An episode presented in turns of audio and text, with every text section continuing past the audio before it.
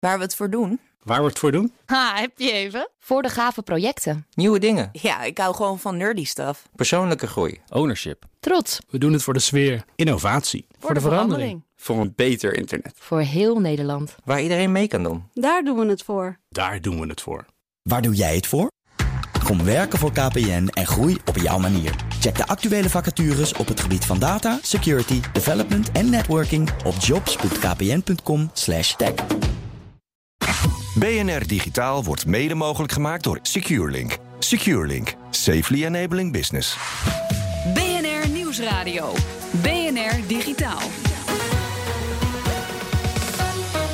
Herbert Blankenstein. Eerst hadden we Safe Harbor, een verdrag dat data van Europeanen in de VS moest beschermen.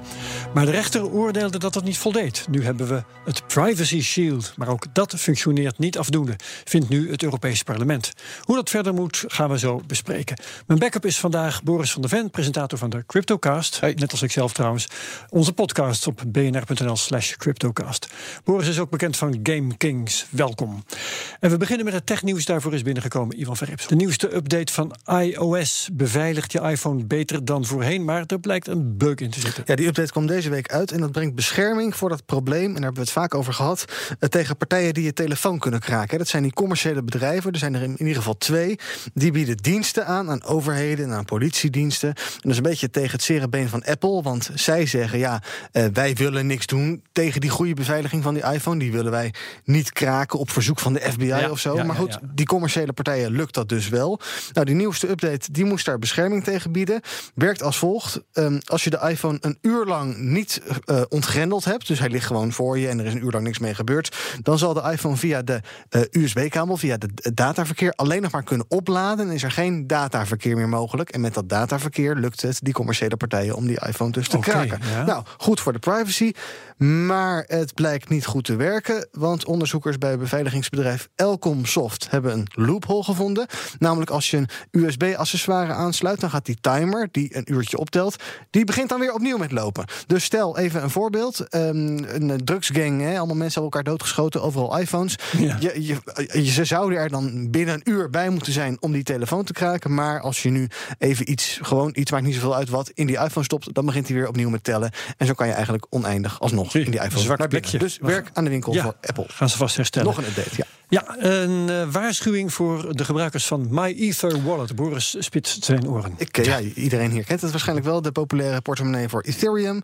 En zij waarschuwen mensen die via de gratis VPN-dienst Hola dat MyEther Wallet proberen te bereiken. Eh, wat is er namelijk gebeurd? Dat Hola dat heeft, ehm, dat zou gehackt zijn en dat zou meekijken met gebruikers die naar MyEther Wallet gaan, mogelijk tot doel om uiteindelijk natuurlijk je Ether te jatten daar. Het is niet helemaal duidelijk hoeveel mensen via dat gemanipuleerde Hola naar dat MyEther wallet zijn gesurfd. Maar het geeft wel aan dat dit soort wallets zeer interessant nog steeds blijven voor eh, hackers en dergelijke. Ja, daar zit geld in. Het geeft aan dat Hola, dat is een gratis VPN-dienst. Moet je niet gebruiken. Gratis diensten is niet zo slim om te gebruiken. Nee. En dus dat de beveiliging van cryptocoins een gevoelig onderwerp blijft. Bovendien, eh MyEther Wallet was in april ook al eh, ja, slachtoffer van een aanval. Mhm. Het ging toen om een DNS-hack. Maar toen werd er daadwerkelijk voor op dat moment 150.000 dollar aan waarde eh, in Ether gestolen. Dus ja, het blijft toch wel een beveiliging van cryptomunten. Blijft een lastig onderwerp. Ja, en daar blijven we ons in verdiepen. Dankjewel, Ivan. BNR Nieuwsradio. BNR Digitaal. Het Privacy Shield ligt onder vuur. Het Privacy Shield dat is een afspraak die onder andere regelt hoe Amerikaanse bedrijven met data van ons Europeanen moeten omgaan. Het Europees Parlement vindt na Cambridge Analytica dat de VS zijn zaakjes niet op orde heeft.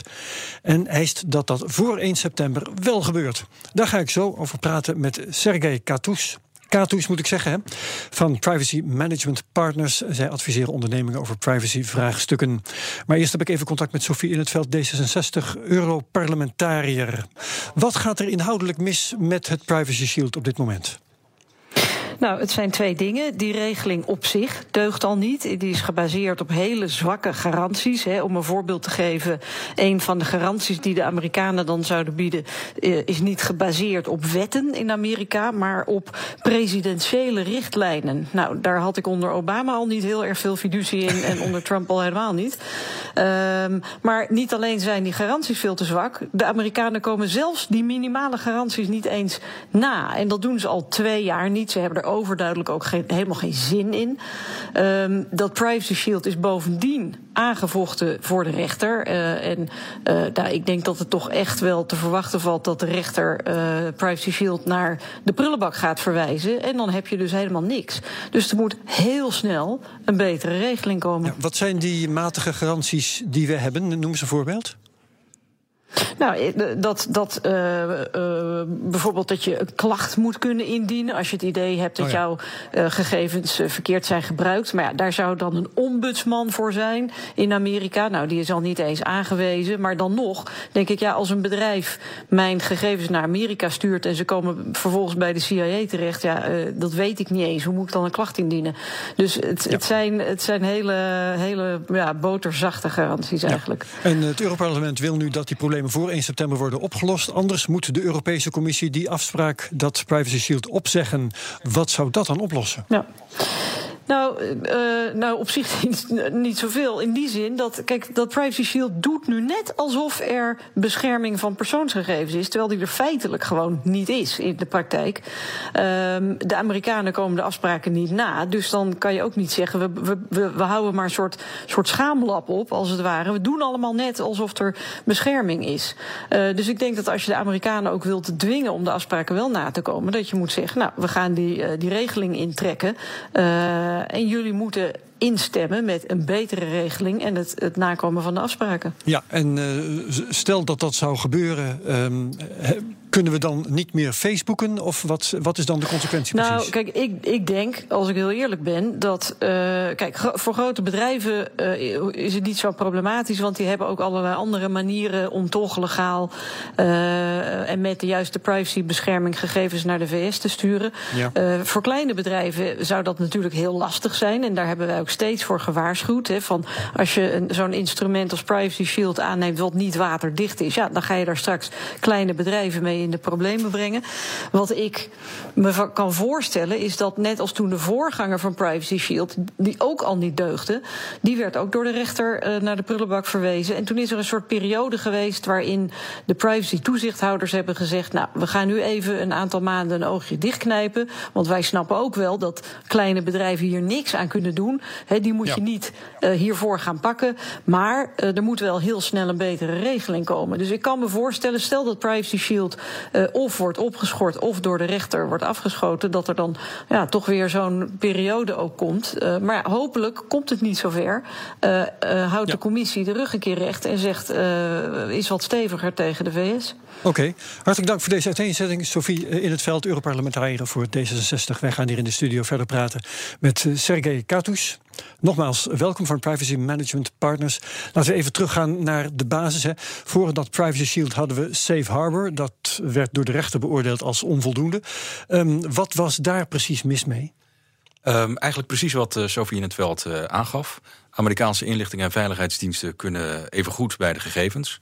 Je zal maar een Amerikaans bedrijf zijn en in één keer een, uh, een, een verzoek krijgen van zo'n dienst. Geef, geef mij even al die gegevens. Ja, dan moet je daaraan voldoen. Ja. En eigenlijk heeft uh, de hoogste Europese rechter toen besloten. Dat was omdat uh, een Oostenrijkse student daar de, een zaak over had aangespannen. En die is daar heel ver in gekomen, Max Schrems.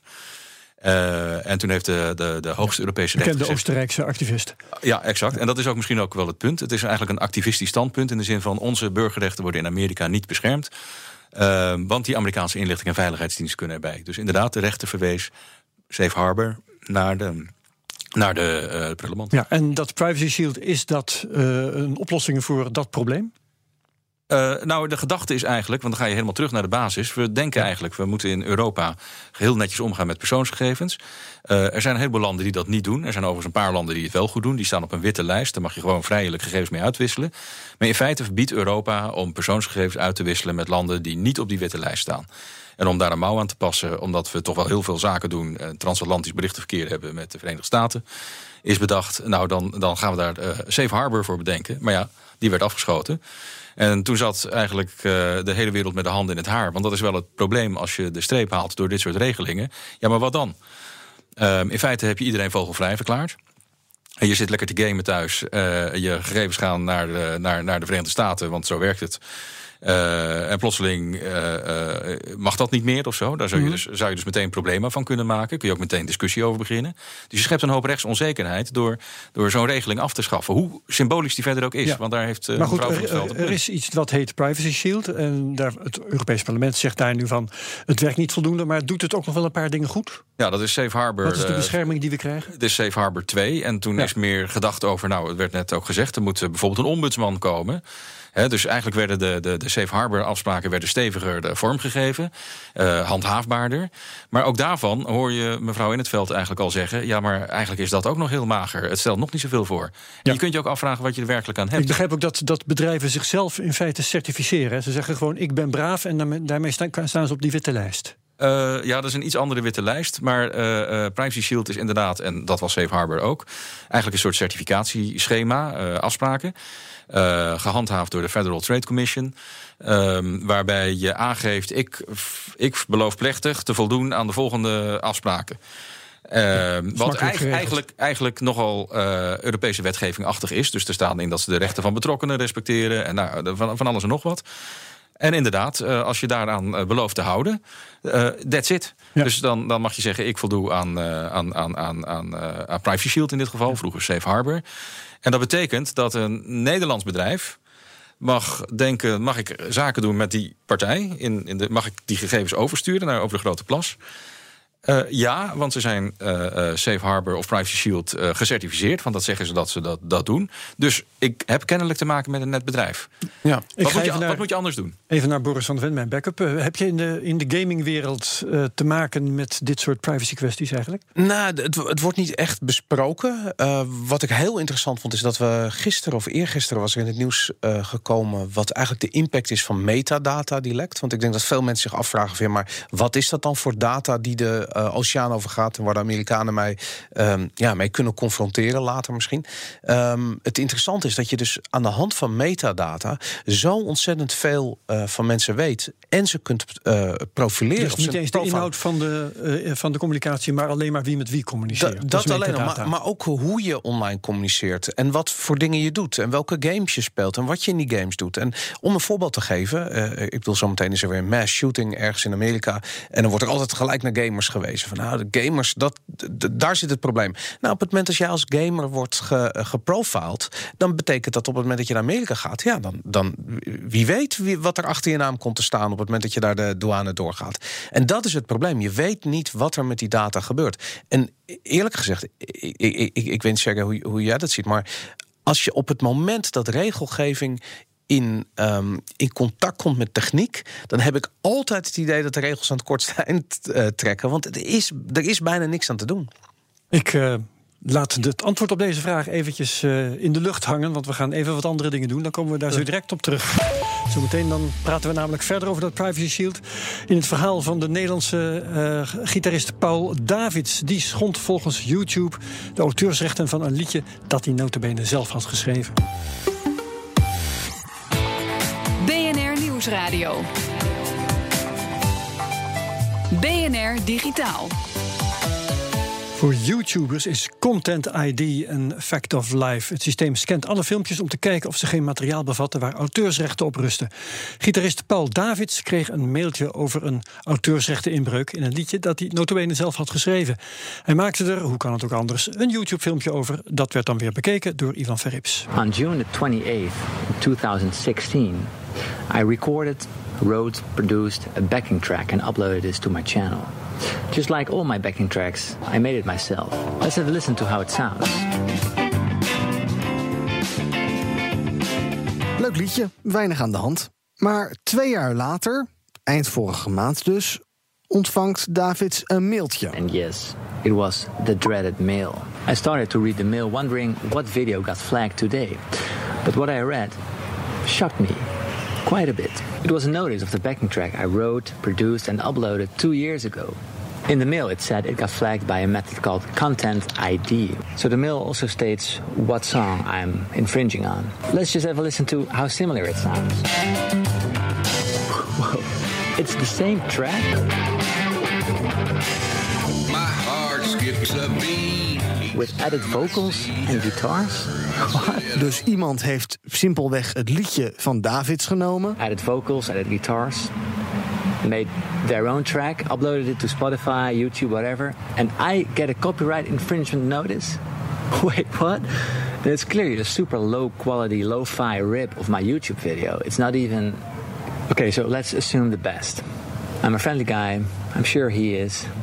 It was an honest mix up. David zoekt via Facebook contact met degene die zijn liedje verbouwd en opnieuw opgenomen heeft. So I wrote him this Hi, my name is Paul Davids. Are you aware of the fact that you used one of my tracks to publish as your own? Let me know. And a few hours later, yes, I got a response, so he was alive, thank God. Hey Paul, I didn't know. I did download a couple of guitar licks from somewhere off of YouTube. If this was yours, I do apologize. Would you consider letting me still use this? If not, I can re record it. Please let me know how we can peacefully resolve this. YouTube werkt gelukkig soepel mee. So after I got the claim from YouTube, I filed a dispute saying I was the owner of the song and I didn't infringe on someone else's copyright. And thank God, YouTube sorted it out within hours. So from here on out, it didn't really matter to me. It was a done deal. It's not that the guy will make tons of money with his, with my track. So I wrote him back. I just want to let you know, it's not really the way to go when recording a track. You can't just rip off a track of YouTube and then claim it's your own. Nou, Paul is er dus oké mee, maar het verhaal heeft wel een beetje een zure nasmaak. Ja, Ivan Verrips uh, in een van de vele verhalen over de fouten die YouTube's Content ID maakt. Ik zie uit naar dat gevreesde uploadfilter. En het hele filmpje van Paul Davids vind je na deze uitzending op bnr.nl/slash digitaal. BNR Nieuwsradio. Herbert Blankenstein. Ja, en. Nou ligt er van allerlei stof die we nog moeten bespreken. Want Sergej Katus zegt meteen al... dit is nou, van uh, het verhaal van Paul Davids... Een, een voorbeeld van gegevens die volgens de AVG helemaal niet verwerkt hadden mogen worden. Nou, uh, wat mensen eigenlijk veel te weinig in de gaten hebben. En we zijn veel te veel bezig met discussie voeren over veiligheidsdiensten en zo. Waar de AVG werkelijk over gaat, is dat je niet het slachtoffer kan worden van ICT. Dus als er. Uh, geautomatiseerde beslissystemen, uh, filters op YouTube of bij de Belastingdienst. Of, of uh, daar wordt allerlei informatie over mensen gewerkt, verwerkt. En uh, dat is ook heel nuttig, dat is heel maatschappelijk belangrijk. Maar als je gevangen raakt in het systeem en het is onterecht, en dat horen we hier nu eigenlijk, dan, dan is eigenlijk de AVG bedoeld om A te voorkomen dat gebeurt. Dus uh, net die vraag over de tekortschietende wetgeving. Nee, ja, die schiet niet tekort. Het is een wetgeving die eigenlijk zegt: mens, mensen, denk erover na. En, en, en zorg ervoor dat je, dat je netjes opereert. Ook al ben je YouTube en maak je eens een keer een fout. Of ook al ben je de Belastingdienst, ook al maak je een keer een fout. Kan gebeuren. Mijn vraag was eigenlijk: hoe, wat gebeurt er op het moment dat, dat de regelgeving in uh, conflict komt met techniek? Dat en, was jouw vraag. Dat was mijn vraag. En ja. dan heb ik dus het idee dat regelgeving altijd aan het kortste eind trekt. Ja. Maar het gekke van de AVG is: hij komt niet in conflict met techniek. Het is eigenlijk, ik noem het wel het milieurecht van het digitale tijdperk. Het helpt je om na te denken over hoe je groen moet produceren met data. Maatschappelijk verantwoord omgaan met data, noem het maar even zo. Als je dat netjes doet, en dan moet je vanuit bepaalde uitgangspunten en principes denken... in plaats van regeltjes die je wel of niet mag, die kun je overtreden. Want als je in regeltjes gaat denken, dan schiet het tekort. Maar als je de principes snapt, juiste informatie, veilige informatie, transparantie... dat zijn de uitgangspunten, hè? Dan, dan ben je eigenlijk gewoon netjes bezig. En dan als het goed is, doet YouTube het uit zichzelf al goed. Of de Belastingdienst, of ja. de Nederlandse Spoorwegen, of de gemeente Den Haag, of maakt niet uit. En natuurlijk, waar mensen werken, worden fouten gemaakt. Moeten we ook begrijpen. Dus waterdicht krijgen we het nooit. Maar dan moet het nog altijd heel gemakkelijk zijn om aan te kloppen en zeggen: Sorry, het klopt niet, wil je dat even rechtzetten? En ook daarin voorziet de AVG. En dat vind ik veel belangrijker dan een discussie over dat de Amerikaanse inlichting en veiligheidsdiensten ja. Uh, in, via een achterdeurtje uh, Xboxers of zo uh, het grazen neemt omdat ze de metadata. Ja, dat doen ze toch wel. Maar dat doen we in Nederland ook, hè? dat heet de sleepwetdiscussie. Ja. Dan komen we min of meer vanzelf op de AVG terecht. Terwijl het eigenlijk over de Privacy Shield zou gaan, geeft ook al aan hoe alles door elkaar loopt. Um, ik wil even terug naar het gesprek over uh, het Europarlement en hun kritiek op Privacy Shield. Is die kritiek vanuit het Europarlement terecht dat het Privacy Shield niet goed werkt en dat de Europese Commissie maatregelen moet nemen? Uh, het eerste wat in me opkomt, wij van WC Eend adviseren WC Eend. Uh, het Europees Parlement, uh, het Comité voor de, voor de, voor de Burgerrechten, Justitiezaken en Binnenlandse Zaken, LIBE. daar is Sophie in het veld van. is best activistisch op dit front en, en, en, en, voert ook het gevecht. En, en zij zijn ook de voorvechters geweest van de, van de AVG, daar heb je hem weer, de GDPR. En zij zijn ook altijd degene geweest die zullen tamboureren op de, deze, deze boodschap. Want zij zijn voor meer digitale burgerrechten. Ja. ja, maar in de hele AVG staat het woord privacy niet, hè? Moeten we ons realiseren. Daar staat bescherming van persoonsgegevens. Ja. En uh, dus, dus zij, zullen, zij, zullen er altijd, ze zijn er altijd voor, voor zijn, ja. Maar uh, kun je dit wel tegenhouden? We, wer, we leven in een multi, hè, in, in de Global Information Society. Data stroomt waar het stromen dus we weten het antwoord op die vraag toch al. We kunnen het niet tegenhouden. Je kunt het niet tegenhouden. Je wat, kunt wel... Dat zijn jullie met elkaar eens. Ja, zeker. Ja. Maar, maar, wat kan de Europese Commissie dan nog doen? Op het moment dat het technisch niet mogelijk is om die regels te handhaven. of om eigenlijk de veiligheid van de Europese burgers te, te waarborgen. Wat voor tools hebben zij dan om daar nog iets aan te kunnen Dan zegt Sofie in het veld in elk geval, hebben we net horen zeggen... Uh, dan liever niks, in plaats van dat je een dode letter handhaaft. Nou, maar helemaal niks, dan heeft, eh, heeft niemand houvast. Hè? Ik denk dat je veel meer het gesprek moet voeren over het fatsoen tun, en de integriteit. Want MVO met data, ik noemde dat net al. Dat je veel meer met elkaar een beeld moet hebben van wat bedoelen we daarmee. Ja. Uh, en je mag het ook privacy wat mij betreft noemen, daar gaat het niet om. En wat vinden wij nou netjes omgaan met data? En hoe respecteer je gewoon je klant of je gamer of je patiënt of maar je leerling? Maar dat is precies wat de, de wetgeving die daarvoor is. Uh, AVG, Privacy Shield, uh, ja. er komt nog meer aan, e-privacy dingen. Um, wat die beoogt te doen. Ja, alleen we maken Namelijk met elkaar... formuleren, formaliseren wat we fatsoenlijk vinden. Ja, en dat doen we op zo'n ingewikkelde manier... dat het net een speeltje lijkt voor juristen. Uh, voor auditors. Voor, we, we, maken een heel ingewikkeld systeem van. Terwijl we niet het hebben over de essentie. Van hoe gaan we netjes ermee om en hoe kunnen we ons daarop focussen. En dan kun je, en dat moeten we denk ik ook leren accepteren. Je kunt er niks aan doen, want dat is een hele andere discussie. Dan hebben we een sleepwetachtige discussie van hoe ver mogen inlichtingen en veiligheidsdiensten gaan. Maar dat moet je niet over de rug van de AVG, de GDPR, de Privacy Shield. Daarmee los je die discussie niet op. Het gaat er eigenlijk om. Uh, als je vindt dat je in een veilige samenleving wil wonen, dan moet je maatschappelijk de discussie over voeren, moet politiek over besluiten. Dan accepteer je daarmee ook dat misschien die verkeersgegevens moeten worden ge ge geanalyseerd. En als je vindt dat het niet fatsoenlijk is van het bedrijf dat ze met die, met die metadata waar je het over hebt, uh, profielen opstellen, dan moeten ze daar transparant over zijn. Dat staat ook in de AVG dat ze daar transparant over moeten zijn. En, leg het uit. En geef mensen misschien een keuze. Uh, opt-in, opt-out, kom je bij dat soort discussies. Uh, overigens, dan zul je wel merken dat je minder prettig gamet. Maar, maar even, want ik vind dat namelijk. Ik heb namelijk het gevoel dat wij als Europeanen een soort van tweede rangs Amerikaanse burgers zijn. Als je kijkt hoe de Amerikanen omgaan met onze uh, data. Ik bedoel, een Amerikaanse burger kan aanspraak maken op briefgeheim of weet ik veel wat voor privacybescherming. Wij hebben dat totaal niet, terwijl al onze data daar al lang ligt. Zeker. Ja, America first, uh, the Netherlands second. Hè? uh, Wat zou jij veranderen aan de huidige privacy-regelgeving? Uh, of het nou AVG is, of Privacy Shield, of e-privacy? Het probleem is dat we proberen om deze discussie op een juridische manier uit te vechten. En je kunt je afvragen of die juridische manier wel het juiste instrument is om met elkaar gewoon een heel zinnig gesprek te voeren over wat zijn nou de, de uitgangspunten en waar moet je elkaar op kunnen aanspreken. En het moeten ook harde beloften zijn waar je bedrijf aan moet kunnen houden. Als je belooft dat je voldoet aan Privacy Shield, dan heb je een aantal hele mooie principes. Maar dan uh, leef ze ook echt intrinsiek na. Snap dat het belangrijk is. En dat wordt misschien nog te weinig begrepen. Hartelijk dank, Sergej Katus van Privacy Management Partners. Boris van der Ven was mijn backup, ook hartelijk bedankt. Graag gedaan. We gaan er vandoor, maar eerst nog even bijpraten over de AVG, die hier al meer ter sprake is geweest. Verzekeraar AIG vreest namelijk dat de AVG gaat leiden tot meer cybercriminaliteit. In een, van deze, in een deze week verschenen rapport over schadeclaims in cyberzaken spreekt AIG de verwachting uit dat de integriteit van data meer waard is voor bedrijven dan vroeger. En cybercriminelen die dreigen data openbaar te maken of te verkopen, staan daardoor sterker. Chantage wordt daarmee aantrekkelijker en zal dus meer gaan voorkomen. Ransomware idem dito. Ook zonder dat effect was 2017 trouwens een recordjaar volgens het rapport. Er waren in 2017 vier keer zoveel cyberschadeclaims als in de vier voorgaande jaren samen. Dit was BNR Digitaal. Terugluisteren kan via de site, de app, iTunes of Spotify. Nog één ding. We gaan de komende weken op zomervakantie. Dan hoor je op woensdagmiddag de meest interessante gesprekken uit het afgelopen seizoen digitaal. Dank aan mijn vaste backups Ben, Boris, Maarten, Michiel, Ralf, Ricky, Thijs en Wout. Ook dank aan de ongeveer 100 gasten die de afgelopen maanden naar onze studio zijn gekomen. 29 augustus, dan zijn we er weer met nieuwe afleveringen. Heel graag tot dan en voor nu een hele fijne zomerdag. BNR Digitaal wordt mede mogelijk gemaakt door SecureLink. SecureLink. Safely enabling business.